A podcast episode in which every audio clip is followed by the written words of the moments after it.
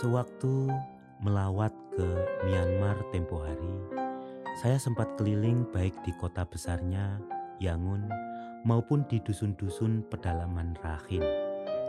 Ada hal menarik yang saya temui di sana. Hal kecil tapi unik.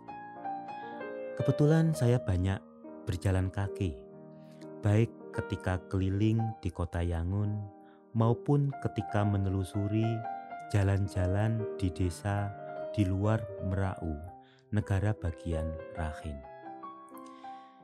Sebagai arsitek, kita mudah tertarik untuk mengamati elemen-elemen arsitektur, termasuk elemen ruang luar yang sering kali memperkaya landscape arsitektur kita. Mengambil foto-foto indah daerah sana adalah satu hal. Tapi mencermati detail-detail aktivitas warga adalah hal menarik berikutnya yang bisa kita nikmati. Dan ini, baik di kota maupun di desa, saya mendapati satu budaya yang sebetulnya tidak asing, tetapi sudah lama tidak saya jumpai yaitu mereka meletakkan gentong atau kendi berisi air di depan kediaman mereka.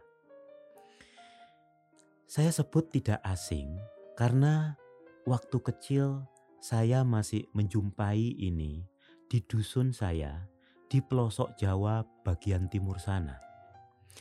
Maka ketika saya menjumpai hal yang sama di luar negeri, di Myanmar, di masa kini, di abad 21 tidak dapat dipungkiri bahwa itu membuat saya takjub. Sebab di negeri saya sendiri saja budaya ini sudah sulit ditemui.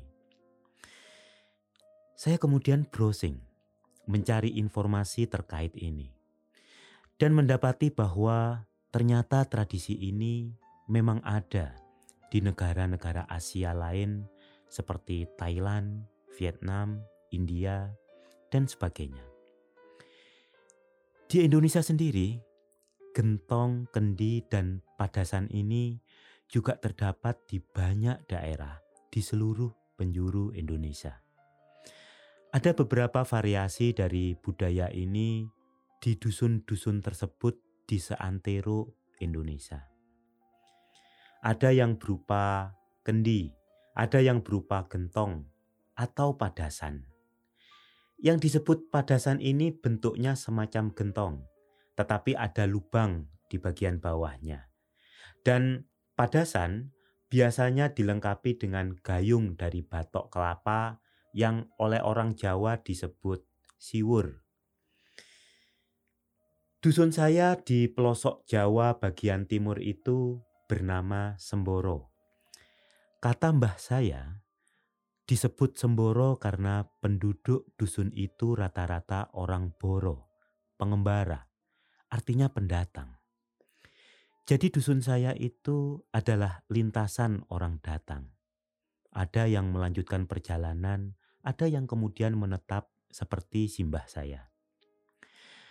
Konon Hadratus Syekh Hashim Asyari pendiri NU, juga pernah singgah di dusun saya dalam perjalanan beliau ke pesantren Kiai Mukhtar di Mbesek Umbul Sari.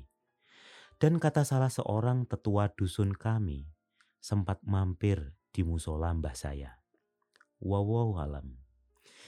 Nah, adanya budaya meletakkan kendi atau gentong di depan rumah merupakan bentuk solidaritas sesama manusia. Karena pada dasarnya kita semua juga pejalan. Mampir sebentar di dunia laksana orang yang mampir minum saja. Maka adanya budaya kendi dan gentong tadi juga bisa merupakan pengejah wantahan analogi wong urip kui mung mampir ngombe. Hidup itu laksana pengembara yang berhenti sebentar untuk minum menghilangkan dahaga. Tapi di samping itu kendi dan gentong ini fungsional juga. Manusia adalah makhluk pejalan kaki pada dasarnya. Maka ketika kuda pedati terlalu mahal bagi sebagian besar orang pada zaman dahulu, maka sebagian besar perjalanan dilakukan dengan berjalan kaki. Para pejalan ini tidak perlu khawatir kehausan karena begitu melewati sebuah kampung selalu tersedia air minum di sepanjang jalan. Apabila mereka hendak sholat, maka padasan dapat digunakan untuk mengambil air wudhu. Dan dengan menggelar udeng atau sorbannya, mereka bisa sholat di bawah pohon terdekat. Sangat sederhana, tapi fungsional. Di samping fungsi sosial, adanya air di depan rumah ini juga bermanfaat bagi penghuni rumah. Biasanya kita yang dari bepergian kaki kotor kena becek atau debu, memiliki kebiasaan untuk membasuh tangan dan kaki sebelum masuk rumah. Apalagi kondisi saat itu bila kita bepergian rata-rata jalan kaki, tidak naik Grab atau Gojek seperti kita hari-hari ini.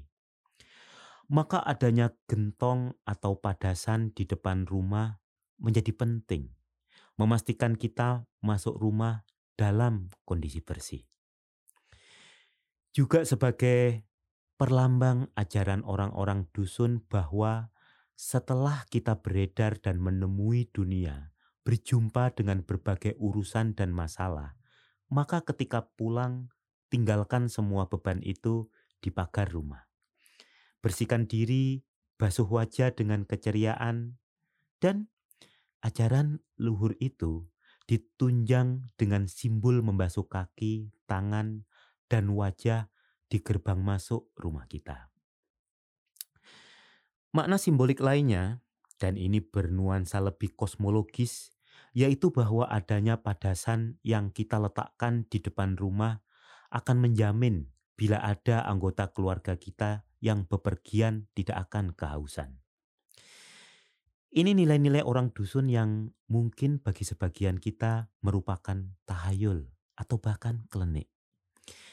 Padahal sebetulnya kita bisa merasionalisasi ini dengan sangat mudah.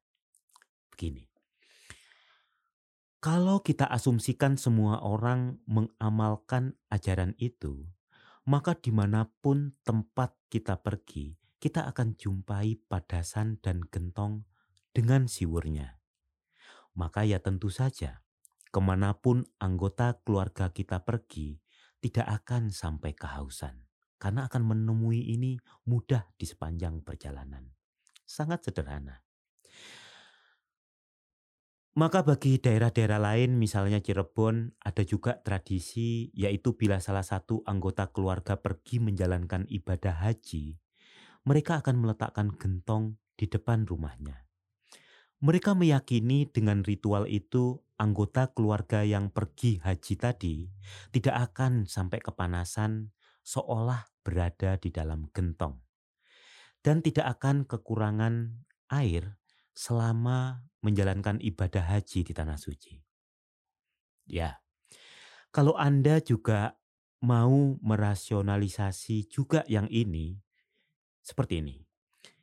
Di tanah suci kita memang tidak akan pernah kekurangan air karena sumber air zam-zam tidak pernah kering selama ribuan tahun sampai dengan sekarang. Itu kalau Anda selalu merasa harus rasional di setiap aspek kehidupan. Silakan saja. Tapi di luar itu bisa saja adanya gentong haji di Cirebon itu kita maknai sebagai doa. Doa agar anggota keluarga kita yang pergi menunaikan ibadah haji mendapat perlindungan Tuhan dan tidak kekurangan sesuatu apa. Dan itu bagus.